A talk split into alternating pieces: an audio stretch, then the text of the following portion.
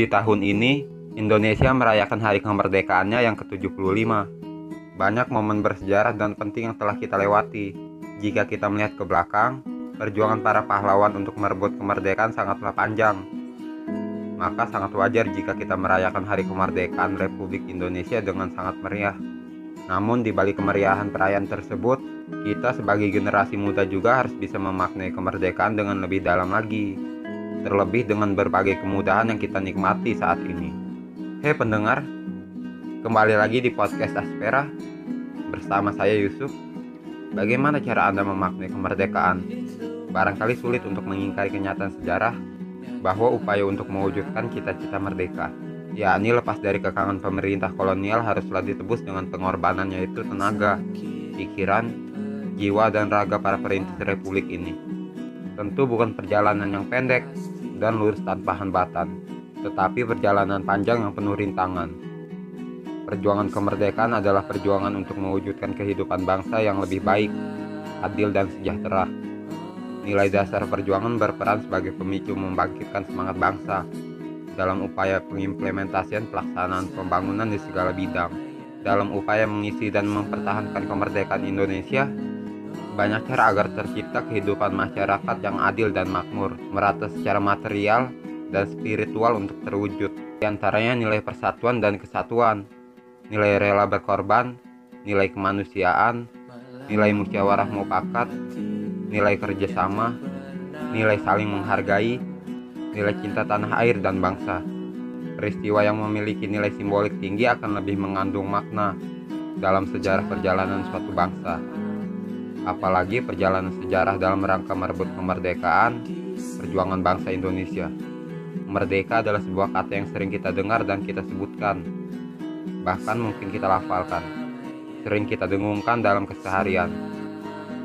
Zaman sekarang, pada masa kita kini, pada era globalisasi, apakah kata merdeka masih mempunyai nilai yang sama dengan zaman perjuangan dahulu, yaitu disepadankan dengan nyawa kita sebagai taruhannya? Apakah kita masih memperjuangkan kata merdeka dalam kehidupan kita sehari-hari? Apakah masih penting sebuah kata merdeka tertanam dan didengungkan di benak kita? Untuk apa kemerdekaan itu sesungguhnya? Bagi siapa kemerdekaan itu diperuntukkan? Siapakah yang berhak untuk merdeka? Dan masih banyak pertanyaan yang berkaitan dengan kata merdeka lainnya. Jika konteks perayaan kemerdekaan hari ini hanya dimaknai sebatas acara seremonial atau simbolik, maka kita masih belum sepenuhnya dikatakan berjiwa nasionalis yang kompleks. Semangat para pahlawan tak berhenti pada hari ini atau tahunan, akan tetapi implementasi kemerdekaan dalam kehidupan sehari-hari yang berkembang sesuai dengan denyut nadi peradaban menuju perubahan yang dinamis itulah yang sebenarnya merdeka sehemat pengetahuan saya lebih peka terhadap keadaan sosial kondisi rakyat dan negara hari ini yang carut marut, serta perlahan bergeser atas nilai moralitas, dapat melihat beberapa elemen dari masyarakat merasakan keadilan, maka itulah makna kemerdekaan yang hakiki sebenarnya. Merdeka itu adalah tentang bagaimana kita sebagai satu kesatuan negara bisa berdiri, kokoh dengan kaki sendiri, kokoh hingga semua rakyatnya makmur dan sejahtera, bukan hanya terlepas dari peperangan sehingga kita bisa dikatakan merdeka, tapi juga tentang bagaimana negara ini bisa mengatur dirinya tapi juga tentang bagaimana negara ini bisa mengatur dirinya sendiri untuk mencapai visi dan misi. Negara ini kaya, kaya akan budaya, kandungan alamnya dan juga keramah tamahannya. Namun semua itu belum cukup dikatakan sudah merdeka. Kalau masing-masing rakyatnya masih memikirkan kemerdekaan dirinya sendiri, tanpa tahu apa yang dialami saudara senegaranya di luar sana. Karena merdeka itu bukan hanya tentang diri sendiri, namun sebagai satu kesatuan, satu negeri. Identitas kebangsaan bagi anak-anak generasi milenial dan generasi sesudahnya memiliki makna yang sangat berbeda dengan generasi-generasi sebelumnya. Bagi generasi baru yang tumbuh dengan teknologi digital ini, yang bisa mengakses segala informasi dari seluruh penjuru dunia, apa yang mereka maknai sebagai sebuah bangsa, sebagai dirinya bernaung, tumbuh dan mengaktualisasi dirinya berbeda dengan generasi sebelumnya. Anak-anak muda ini dan yang akan terlahir kemudian adalah masyarakat global akibat terpaan teknologi canggih. Apa yang mereka kagumi, banggakan, layak untuk diperjuangkan, dan identitas yang mereka kenakan tak selamanya berasal dari sekitar lingkungan yang dibatasi oleh wilayah geografis berupa negara. Mereka mengidentifikasi diri dengan ikon-ikon global. Mereka bisa lebih mengagumi pesawat dari Hollywood daripada tokoh-tokoh setempat, menggilai makanan dari Jepang, menjadi penggemar berat olahraga sepak bola dan Amerika Latin, atau identitas-identitas khas dengan keunggulan spesifik yang membanggakan. Mereka ingin jadi bagian dari para pemenang dalam bidang-bidang tertentu, dari mana pun asalnya. Masih ada nasionalis yang gelora seperti pembelaan mereka terhadap kejuaraan-kejuaraan antar negara pada tim nasional mereka.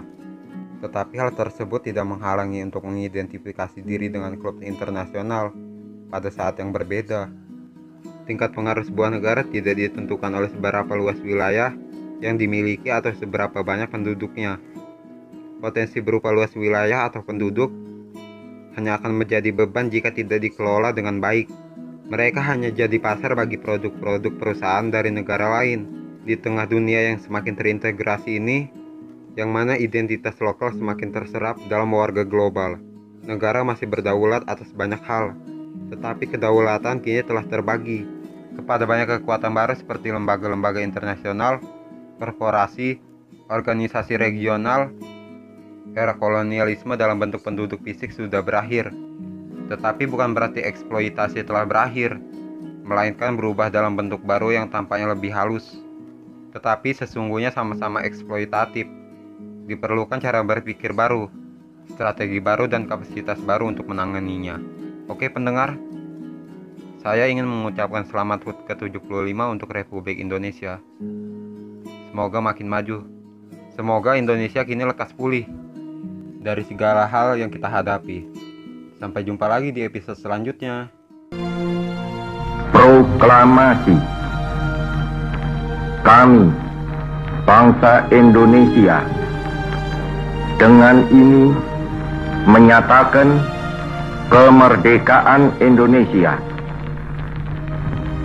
Hal-hal yang mengenai pemindahan kekuasaan dan lain-lain diselenggarakan dengan cara saksama dan dalam tempo yang sesingkat-singkatnya. Jakarta, 17 Agustus 1945 atas nama bangsa Indonesia Soekarno Hatta